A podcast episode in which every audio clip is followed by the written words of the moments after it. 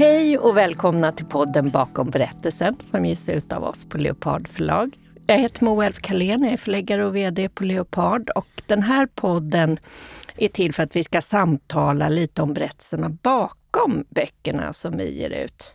När föddes idén till en bok? När höll vi helt på att ge upp hela projektet? Eh, vilket omslag hamnade i papperskorgen?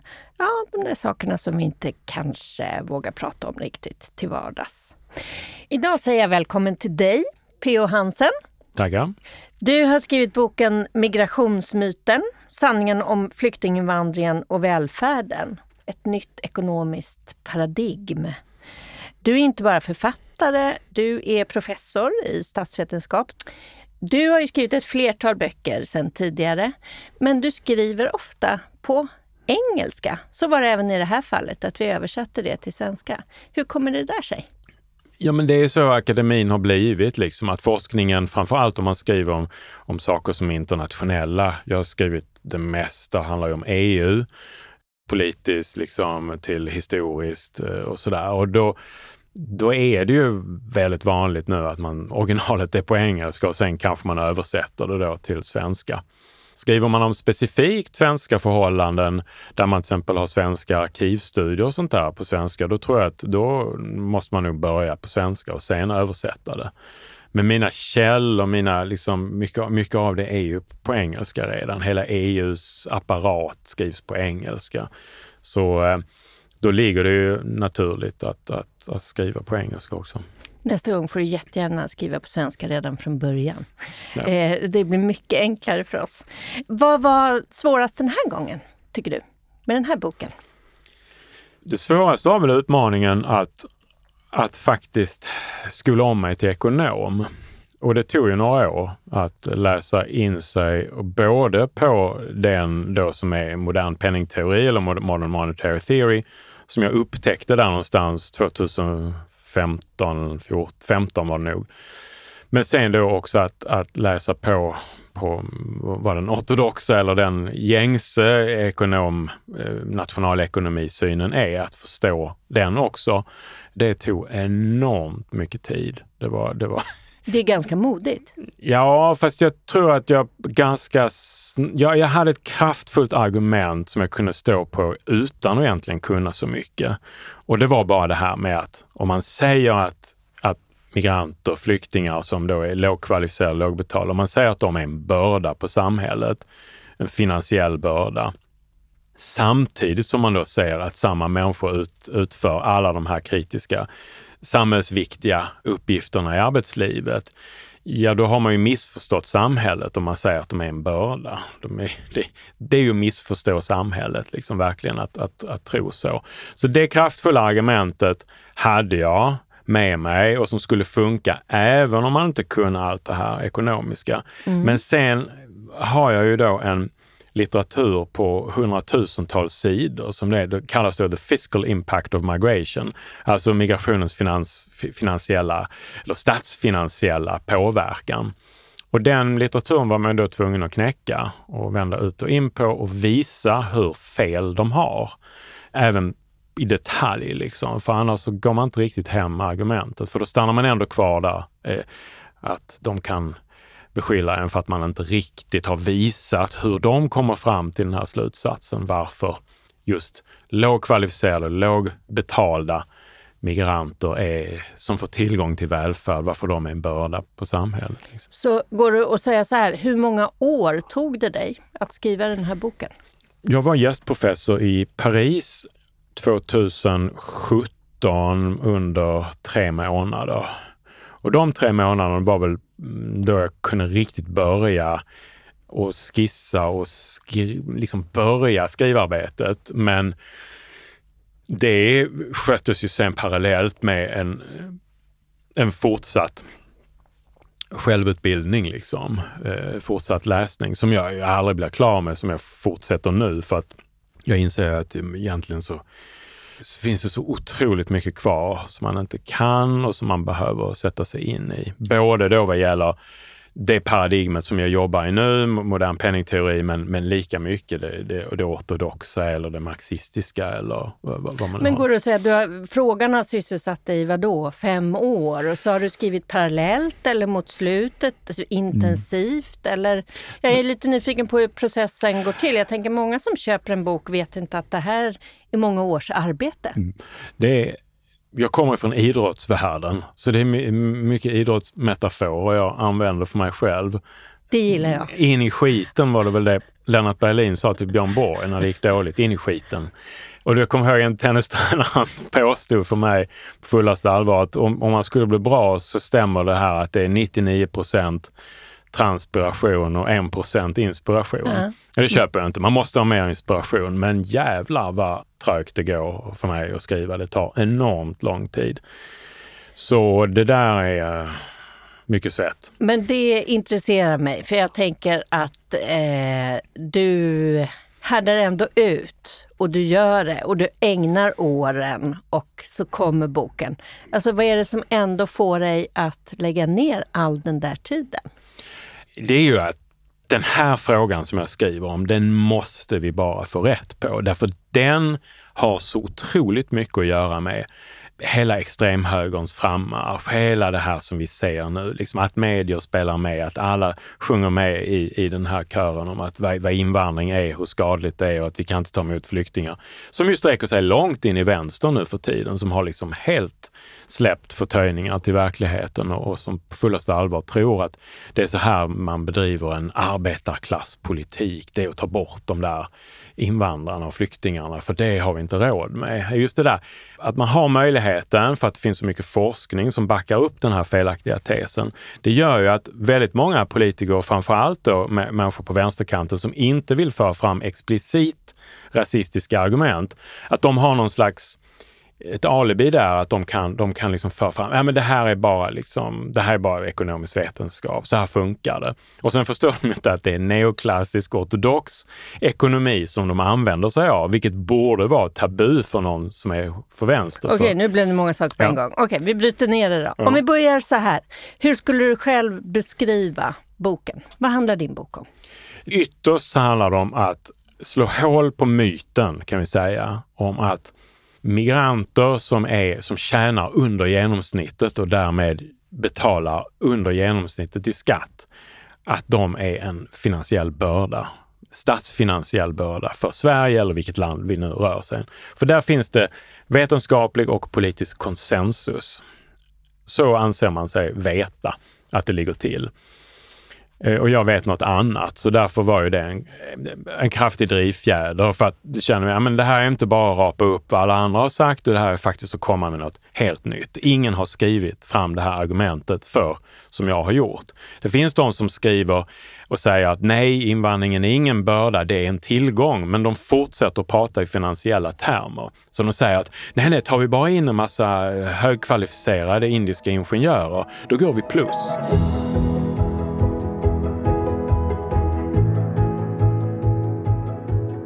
Men om vi går in lite då på det här eh, innehållet i din bok helt enkelt.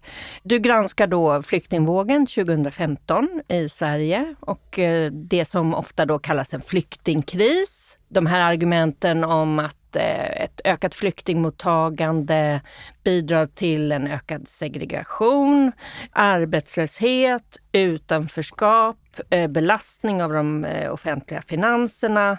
Det leder till underskott, försämrad tillväxt. Och sen så hävdar du då att det här inte stämmer. Vad grundar du då det på, undrar jag? Ja, i ekonomisk mening så grundar jag det på en korrekt beskrivning som serveras av modern penningteori om hur finans och penningpolitik egentligen funkar, hur de hänger ihop och hur man förstår pengar vad är pengar? Mm. Och vad är pengar då specifikt i länder som Sverige som ger ut sin egen valuta och som inte är knuten till en annan valuta eller till guld eller någonting annat. Och som inte lånar eh, mycket pengar i en utländsk valuta, för då är man ju bakbunden av, av de eh, lånen och de skyldigheter som följer på utländsk eh, upplåning. Så att Den så kallade teorin, eller egentligen modern penningteori heter teori, men egentligen är det framförallt en beskrivning av mm. hur bilen funkar. Hur funkar den här motorn som vi kallar finans och penningpolitik?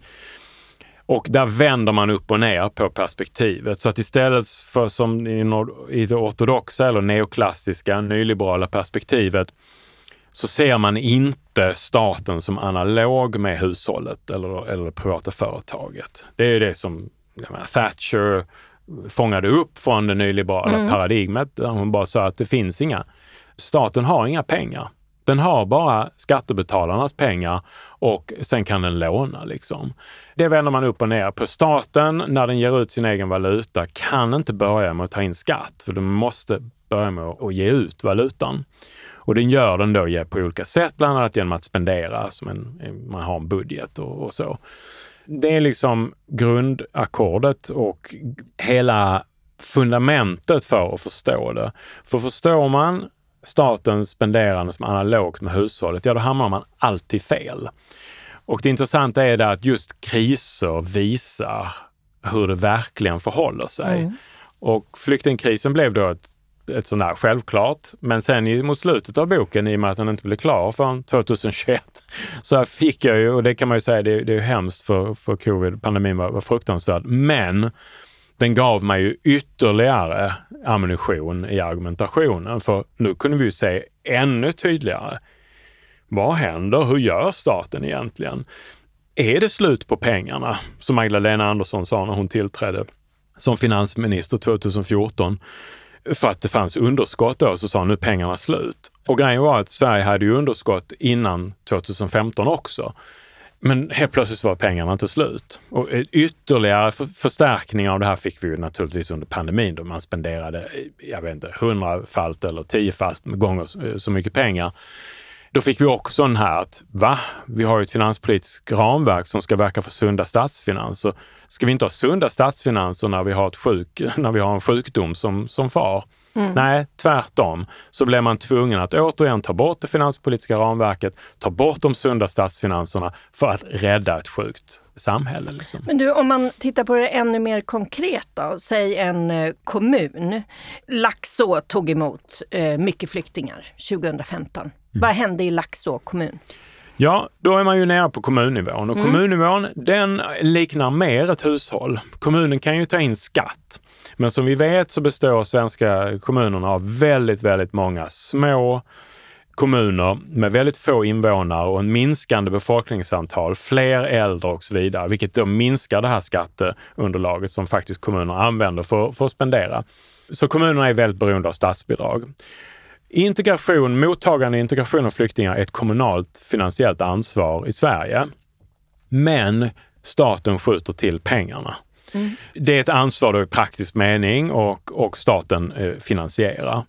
Och när väldigt många flyktingar kom då, och framförallt i små kommuner, det innebar att de fick väldigt mycket pengar och de fick mycket, mycket mer pengar än vad som krävdes för själva flyktingdelen. Och det innebar då att man fick en väldigt positiv spiral efter väldigt, väldigt många år av åtstramning så fick kommunsektorn äntligen ett rejält tillskott med slantar från staten. Mm. Och det gjorde ju då att... Mer resurser till skolan. Ja, man kunde satsa i välfärden samtidigt som man fick fler människor. Mm. Så både reella resurser och finansiella... Fler som handlade på ICA. Ja, mm. alla de sakerna kom liksom till. Och det här visade, men det här är ju modellen. Använd den här modellen. Kommunerna älskar det. spelar ingen roll om du är moderat eller kristdemokrat i en kommun. Det är klart du vill ha mer pengar. Men du, de som säger att staten går in med det här etableringsstödet i två år och sen är flyktingarna kvar, kommunerna går på knäna, mm. det finns inga resurser kvar. Stämmer inte det överhuvudtaget? Eller? Ja, det stämmer ju om staten vill ha det så. Hur menar du då? Vill man ha att kommunen går i kris igen, efter den har haft det bra, när den har fått flyktingpengar, ja då gör man ju så. Och till viss del var det väl så Magdalena Andersson och Socialdemokraterna ville ha det. Så att det skulle se ut som att det är ohållbart att ta emot flyktingar. Men väldigt många kommuner hade inte den här krisen. Väldigt många kommuner klarade det här bra. Och det är också en bild som eh, kommer bort. Vissa kommuner fick så mycket pengar så att även efter pengarna från staten tar slut och efter två eller kanske lite, lite längre tid, hade ju mer pengar kvar. Så det innebar att de hade mer pengar till försörjningsstöd generellt efter de två åren än vad de hade innan flyktingarna kom. Så det där tål att tittas på. Men, men för att uttrycka sig i klartext så är ju det statens uppgift. Om staten ser att kommunerna går på knä, och det kan de göra av tusen olika anledningar. Mm. Kommunerna har gått på knä i jättemånga år mm. utan flyktingar. Därför att de avfolkas, skatteunderlaget urholkas, välfärden blir dålig. Ingen vill bo på de här ställena till slut. Så om vi vill ha en sån politik så kan ju staten alltid se till att fixa det och det har vi varit väldigt duktiga på i Sverige. Så vi gör väldigt torftiga avfolkningskommuner av nästan alla kommuner i Sverige. Jag såg ju i min egen lilla skärva, min eh, gudfar är bosatt i en väldigt liten kommun i Bergslagen där jag ägnar mycket tid. Jag är också väldigt förtjust i längdskidåkning. De eh, tog emot många under eh, den så kallade flyktingkrisen. Det som jag som gäst utifrån kunde se, det var ju att eh, det kommunala bostadsbolaget till exempel fick äntligen hyresgäster med betald hyra, kunde rusta upp eh, hyreslängorna. Lärarna hade elever i sina klassrum, kunde anställa. Det var ju en väldig framåtanda, så som jag kunde uppleva det på en mm. så liten ort. Precis, och det gäller ju eh, inte minst i eh, Jämtland fanns det ju många kommuner, även i Norrbotten och, och, till och med i norra Skåne. Det fanns ju intressant nog en intervju i, i eh, Dagens Samhälle med Louise Eriksson i eh, Sölvesborg, Sverigedemokraten, som då ledde kommunen. En mycket intressant intervju därför helt plötsligt så berättar Louise Eriksson i det här snacket om att de inte vill ha flyktingar. Så säger han, ja, att vi har ett antal miljoner kvar från flyktingmottagandet som vi inte har använt. För de har inga flyktingar längre och vill inte ta emot några. Och de ska vi använda nu, säger hon. Varpå journalisten inte ställer den självklara mm. följdfrågan. Jaha, så ni har tjänat pengar på att ta emot flyktingar och fått massa pengar över. Vill ni inte lämna tillbaks dem? Det är, det är så man ser hur, hur det här egentligen funkar och varför den här ensidiga bilden om att kommunerna går på knän. Ja, som jag sa, kommuner kan gå på knän av tusen olika anledningar, men det är till syvende och sist statens ansvar att mm. se till att man höjer anslagen då så att de slipper gå på knäna. Mm. Sen det här som du var inne lite på då, men jag tänker ändå vi tar det. Det här med att du slaktar det här begreppet sunda statsfinanser. Får vi säga att du slaktar det? Ja, ja. hemskt gärna. hemskt gärna. Eh, jag tänker det, det är något så över, över hela linjen egentligen så hör man ju eh, det där begreppet någonstans om att eh, stabila statsfinanser, det skapar välstånd. Det finns inte obegränsat med pengar och så mm. vidare. Du menar då att det där inte stämmer, om jag förstår dig Nej. rätt. Nej. kan du liksom, för mig som inte inte kan de frågorna. Kan du mm. förklara varför det inte stämmer? Mm. När vi pratar om finan i finansiella termer så måste mm. vi förstå att varje överskott eller underskott motsvaras ju av ett lika stort överskott eller underskott någon annanstans. De tar alltid ut varandra när vi pratar om, om, om finansiella relationer. Och det innebär ju att vi jublar ju då, eller den tendensen finns ju att vi har lärt oss att ett statligt överskott, wow, vi blir rikare. Men då förstår man inte att ekonomin är uppdelad i sektorer. Mm. Och den privata sektorn, som alltså är du och jag och företagen, alltså hushåll och företag. Vi blir faktiskt inte rikare när staten gör överskott, utan vad statens överskott speglar är ett underskott någon annanstans. Eller osunda finanser någon annanstans. Ja. Och för vad, vad är ett överskott hos staten? Och vad är ett underskott hos staten? Jo, ett överskott är, betyder att staten har tagit in mer skatt av oss än vad den har spenderat ut till oss. Okej, okay. vi blir fattigare. Det är väldigt enkelt. När den däremot har underskott, det innebär att då har de spenderat ut mer pengar till oss. Det innebär att vårt nettosparande ökar ju. Vi blir rikare. Sen är det här på aggregerad, alltså, alltså på det i den stora bilden.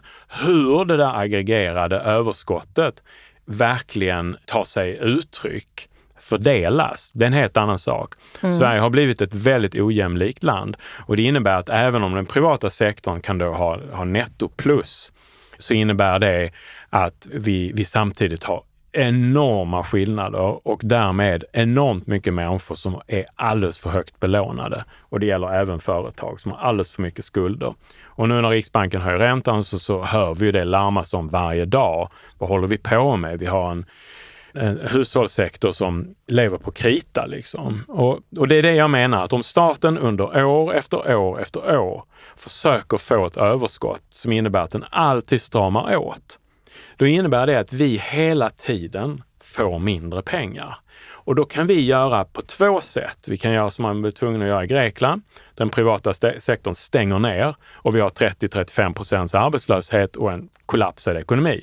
Eller så kan man göra som i Sverige där vi går till banken istället. Så vi upprätthåller den privata konsumtionen med lånade pengar. Men det är i den privata sektorn bara möjligt att upprätthålla så länge. Till slut så kraschar det och det är det vi har. Ständigt återkommande kriser inom den privata sektorn och som vi har sett, globala kriser som kommer ur att det är för mycket upplåning i den privata sektorn. Mm. Men de som säger att eh, det där när staten spenderar så där mycket pengar så leder det till inflation. Det stämmer inte då, Nej. eller vadå? Nej, det stämmer inte. Och om man tar eh, det bästa exemplet så, ju, så finns ju Japan. Japan har världens högsta statsskuld. Man går alltid med stora underskott. Man är det enda landet i den rika världen som inte har någon inflation att tala om. Man har full sysselsättning. Japan visar, och dessutom har man inte höjt räntan, utan man har fortfarande minusränta i Japan. Men det där är otroligt komplicerat att, att få folk att förstå, för att folk tror att om, om staten spenderar mycket, då kommer det leda till inflation. Men det, det, har ju helt och hållet att göra med hur den privata sektorn, den utländska export och import, hur de reagerar på de här pengarna. Jag menar om staten har full sysselsättning till exempel och fortsätter att spendera jättemycket pengar, ja men då kommer vi få en, uppenbarligen en tävling mellan privat och offentlig sektor. Därför staten kan alltid bjuda över, därför mm. den, den har monopol på att ge ut pengarna. Då kan man få att man får en lönespiral. Men det, är nästan, det händer nästan aldrig. Och den inflationen vi har idag, den är helt och hållet en utbudsdriven inflation. Vi har alltså problem med utbud, vi har problem i supply chains, flaskhalsar och så vidare. Och vi har då dramatiskt ökade priser i, på energi och mat och så vidare som fortplantar sig i ekonomin. Och dessutom så har vi det här problemet att företag bara följer efter och höjer sina priser. Så mm. har vi en perfekt inflationsbrasa liksom.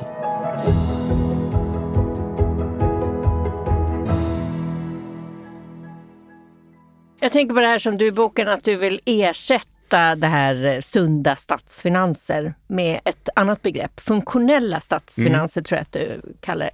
Vad skulle det innebära då? Ja, funktionella statsfinanser myntades ju av en ekonom som heter Abba Lerner precis efter andra världskriget. Och han insåg att när man gick av guldmyntfoten, som var fram till början på 30-talet som var den, den tidens sunda statsfinanser. Att man, man, skulle backa upp sin valuta med guld, vilket hela tiden kraschade ihop och, och, och, och hade stor inverkan på att det blev ett andra världskrig.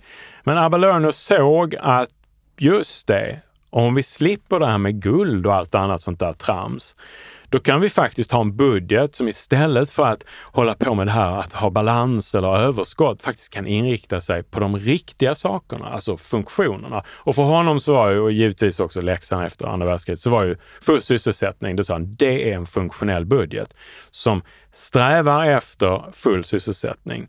Men gränsen för full sysselsättning, det är målet. Det handlar ytterst då om reella resurser och hur man mobiliserar reella resurser så att man inte får långtidsarbetslösa som inte kan anställas av den privata sektorn, utan där måste den offentliga sektorn alltid hjälpa till och så vidare. Men i dagens läge så innebär ju det att man Ja, man, man, man tänker på de frågorna med välfärd, med klimatomställningen, full sysselsättning, alla de sakerna, att det blir utgångspunkten för en budgetpolitik. Och sen säger man, Klarar vi det här med våra reella resurser? Eller hur mycket behöver vi importera för att klara det här? Är det kanske för mycket import som vi inte har, då, då i det fallet, råd med? Men då, då går man den vägen, man vänder sig upp och ner på det. Vad vi har gjort sedan 90-talet, alltså under 30 år kan vi säga, sedan 90-talskrisen, det är att titta på det från andra hållet. Vi har sagt att bristvaran är pengarna. Oj, oj, oj, vad ska vi få, hur ska vi få råd och hur ska vi betala för det, ditten och datten? Och då har man alltid skurit och skurit och hedgat och varit jätteåtstramande i sin politik. 30 år senare så får vi en pandemi och som då visar att wow, vi har ju skurit och skurit, så vi har ju inga personal kvar i den här vårdapparaten. Ja, men då skulle vi ha pengar i ladorna. Vilket är bara en, ett trams. Men då sätter ju då staten igång och visar i klartext, så här kan vi också göra. Pengarna är inget problem. Och det var Mm. precis det Magdalena Andersson sa helt plötsligt. Nu var pengarna inte slut. Nu fanns hur mycket vi vill ha. Men de här pengarna fanns, men det innebar ju inte att de reella resurserna fanns. Det är jättesvårt att på en vecka göra en ny IVA-sjuksköterska. Det går inte. Så att där visar jag på att det som tog knäcken på, på covid-vården, det var ju 30 år av åtstramning och finanspolitiska ramverk med sunda statsfinanser. För jag tänkte ju säga det, det där med att pandemin kom i slutet av ditt skrivande alltså, och att det någonstans blir en illustration av att det går, att det går att satsa. Alltså finns det hopp i det eller? Och för mig är det, det är ju hela grejen. Liksom, Ja. att, att när vi så fort vi får se vad som går att göra, då måste man ju fånga upp det politiskt, intellektuellt och, liksom, och verkligen folkbilda om det. Och det är ju politiska partier som vill någonting med välfärd. Det behöver inte nödvändigtvis vara vänsterpartier, utan bara man vill någonting med klimat eller välfärd eller någonting, så måste man ju förstå det här och liksom steppa upp och, och säga att men kom igen, vi kan inte leva i de här ålderdomliga guldmyntfotsparadigmen som vi fortfarande lever i. Du ägnade många år åt att skriva boken. Var det någonting som på riktigt förvånade dig? Alltså när man börjar att komma in i modern penningteori, då blir man sådär wow, det är otroligt omvälvande om man går och blir eh, förbluffad, för det är faktiskt, det är att likna vid eh, att man går från att ha trott att jorden var platt till att man inser att den är rund. Fast med den viktiga skillnaden att jag kan inte riktigt uppleva hur jorden slutar att vara platt i min vardag.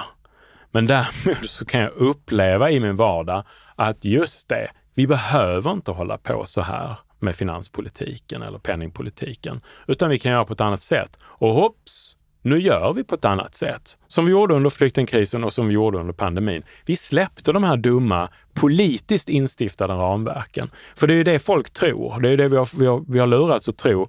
Att finanspolitiskt ramverk är bara ett svar på ekonomiska tyngdlagar. Så vi bara följer dem.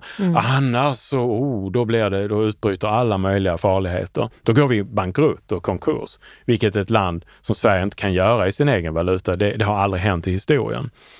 Då kom vi på, ja men just det, det här var ju politik. Vi kan göra något annat. Och sen så ser man hur man gör det och sen drar man lärdomarna och slutsatserna. Jag tänkte också på, för man, eh, vill man fördjupa sig mer så ska man ju absolut läsa boken. Så vi ska inte bara prata om innehållet. Men jag tänker på det här att eh, hur det egentligen gick till när du blev radikal. För jag uppfattar dig som radikal. Och nu innan sa du att det berodde på att du spelade tennis. Det, alltså, du undrar, kan det vara sant? Riktigt den orsakskedjan kan vi nog inte etablera. Även om tennis när jag var liten gick från att vara en överklassport till att i min klubb så var det en socialdemokrat som drev den klubben och kämpade igenom att det skulle i princip vara gratis att spela tennis. Så det var ju min lycka att jag kunde börja spela Var tennis. var det här i Sverige? I Bjärred.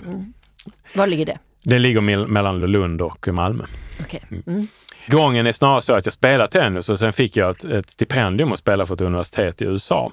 Och då hamnade jag på ett eh, campus där det var mycket politiskt, eh, politisk aktivitet och väldigt bra kurser och sådär. Så det, det var, Det var en- ett gäng baptister Ja, det var faktiskt ett baptistuniversitet av alla ställen. Så det var mycket att stånga eh, pannan blodig mot, bland annat alla kristna Så fundamentalister. du blev radikal på grund av tennisen och Ja. baptister? Det kan man faktiskt säga. Ja, ja, men det, jag menar, det, det, det är ett skäl så gott som något, tänker jag.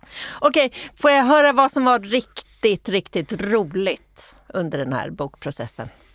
Du är professor, kom igen! Vad var Ja, det riktigt allra roligt? roligaste är ju när man läser lokalpress och man får uttalanden från kommunpolitiker som både har hjärna och hjärta och som kunde fatta det här med att det är inget farligt att ta emot flyktingar. Det funkar. Och devisen att det inte finns några substitut för ett gott styre, det är ju en annan sak som, som också kommer fram i det. Att alla kan ha e- exakt lika goda förutsättningar. Alla kommuner som tog emot flyktingar fick samma goda finansiella förutsättningar. Vissa av dem klarade väldigt bra, andra klarade mindre bra. Men de som klarade bra, det är ju de man ska ta fasta på. Det är de exemplen som är viktiga. För vad de visar, till exempel som när, när jag intervjuade folk i Laxå och de politikerna och tjänstemännen där, de hade ju en plan mm. och en vision om samhället som mm. vi totalt saknar på riksplanet i dagens Sverige. Det är ju inspirationen. Eh, verkligen. Och, och, och se då att här kommer ett motvärn. Politiker både till höger och vänster faktiskt, som pratar verkligen ur verkligheten. Men det händer på kommunal nivå. Det tror jag inte är någon tillfällighet. För att rikspolitiken idag är väldigt, har kastat loss från liksom verkligheten i så många avseenden. Det har man inte råd med i en kommun, framförallt inte en liten kommun där politiker gör massa olika saker och som dessutom träffar kommunmedborgarna på, på mataffären. Liksom. Så att det, det, det där är väldigt spännande och det, det där skulle fokuseras mycket mer på i svensk debatt. Det tillhörde det roligare. Ja. Hade du en läsare som du såg framför dig när du skrev? Bra fråga. Jag tror nog inte att jag tänkte så. Har du fått läsarreaktioner?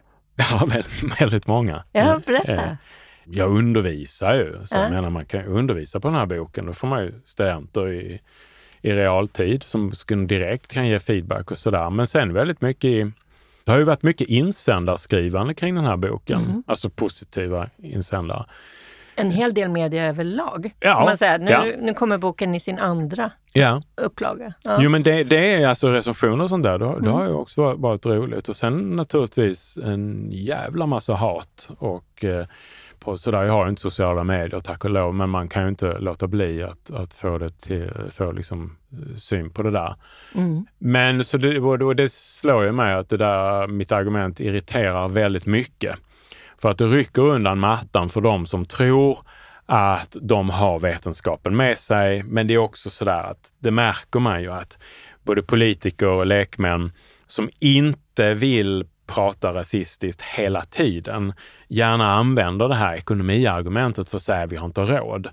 Men rycker man undan den mattan så står de där nakna och får då använda, då, då, då, är, de, då är de utelämnade till rent rasistiska argument eller till det, det vi känner som rasistiska argument. Jag tycker ju att, liksom, att man utmålar människor som då gör alla de här uppgifterna inom välfärden och som gör alla de här så kallade samhällsviktiga, fyller alla de här samhällsviktiga funktionerna. Och det gäller ju EU också. När man utmålar dem som bördor, som finansiella bördor. Finansiella bördor vet vi vad vi gör med, de tar vi bort. Det är liksom så vi, vi är tränade. Och jag menar, nu har det kommit studier från liksom även vidare EU som visar att under covid så är det liksom oproportionerligt många migranter då, lågkvalificerade, fyller de viktiga samhällsfunktionerna och får samhället att funka under covid.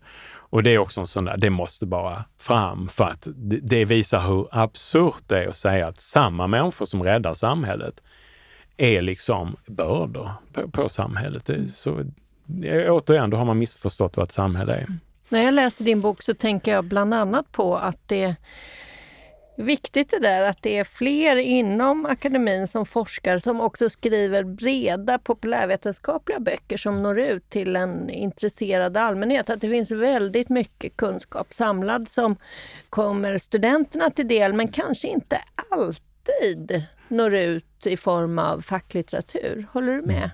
Alltså jag tänker ju aldrig på att jag skriver populärvetenskapligt när folk tycker att jag gör det, utan mitt språk är nog ganska, förutom det handlar om tekniska alltså, eh, detaljer eller liksom man, man snör in på någonting där man måste vara väldigt grundlig. Men man ska ändå kunna skriva det och uttrycka det på ett språk som faktiskt går att och, och, läsa.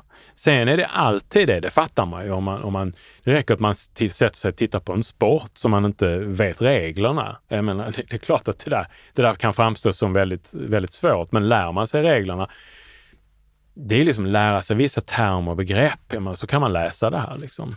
Skriver man framförallt om brännbara samhällsfrågor, mm. då har man en skyldighet att uttrycka sig liksom, utan att göra avkall på komplexitet. Det, det är liksom en svår balansgång, men jag tycker man ska sträva efter det.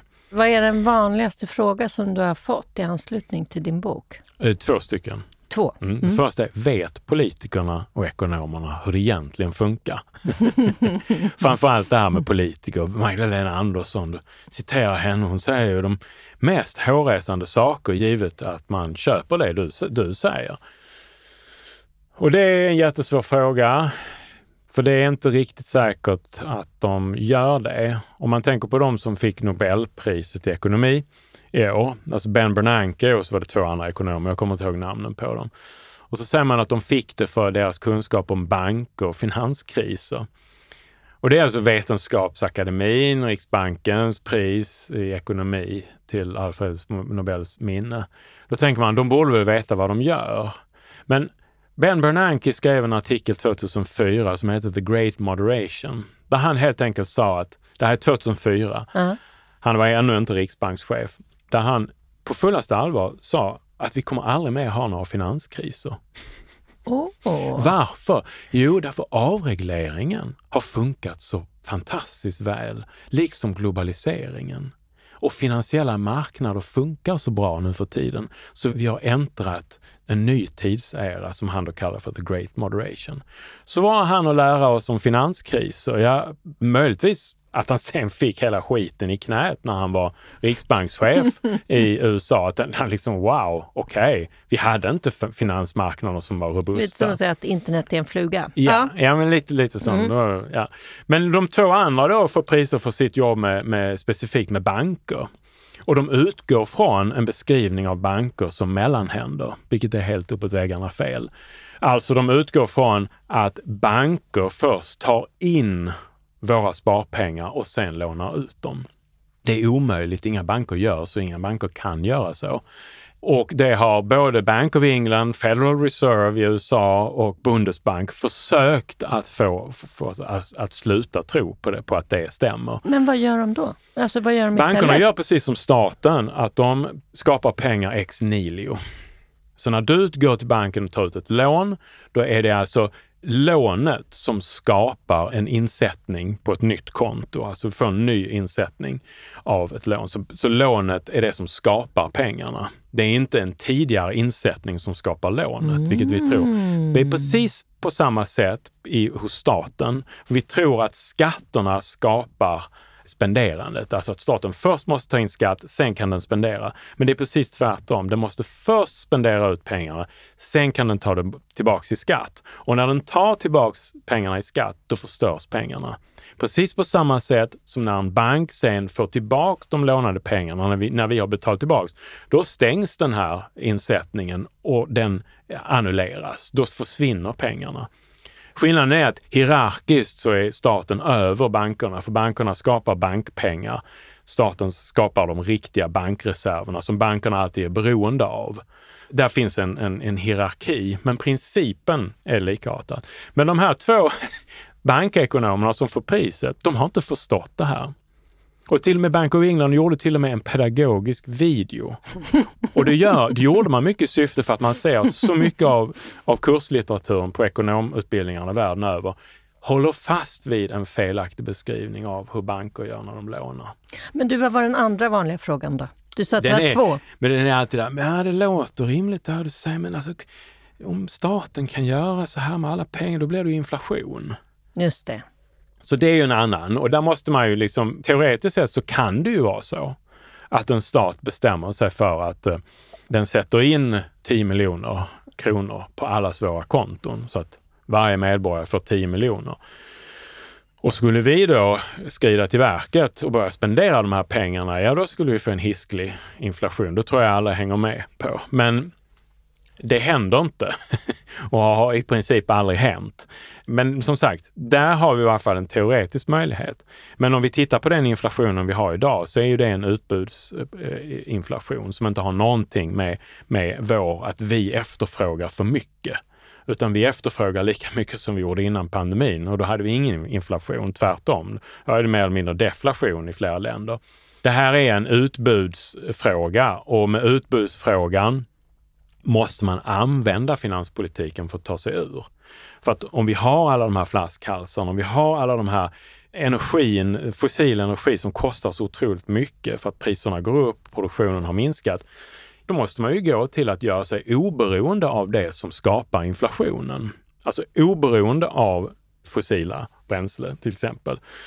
Och där kan man ju skoja till och säga att hade någon hamnat i koma på 70-talet i Västeuropa och sen vaknat idag, så skulle den personen kunna tro att hon vaknade i 70-talet. Därför att rubrikerna är så liknande. Det är det här OPEC och det är jätteprisstegringar på energi va? som då skapar mat, som skapar då som flödar igenom och som får de här, alltså som att det blir hög inflation. Men återigen, vad, vad, vad är läxan? Jag har förlorat 50, 40, 50 år. Så vi inte förstod att vi måste göra oss oberoende av fossilt bränsle.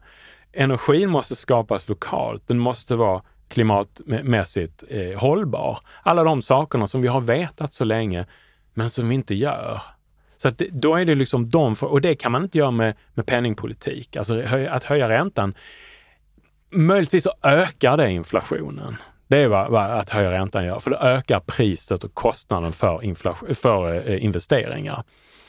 Och det är just investeringar vi behöver nu för att kunna ta oss ur de här utbudsproblemen som vi har. Då är min sista fråga om du fortfarande spelar tennis? Nej du. Jag, eh, du nej, gör inte nej, det? det har jag inte gjort på, jag, jag vet inte, sen, sen jag la av på början på, ja, slutet på 80-talet. Då säger jag tack P.O. Hansen för ett jättespännande samtal. Tack för att du kom hit. Tack själv.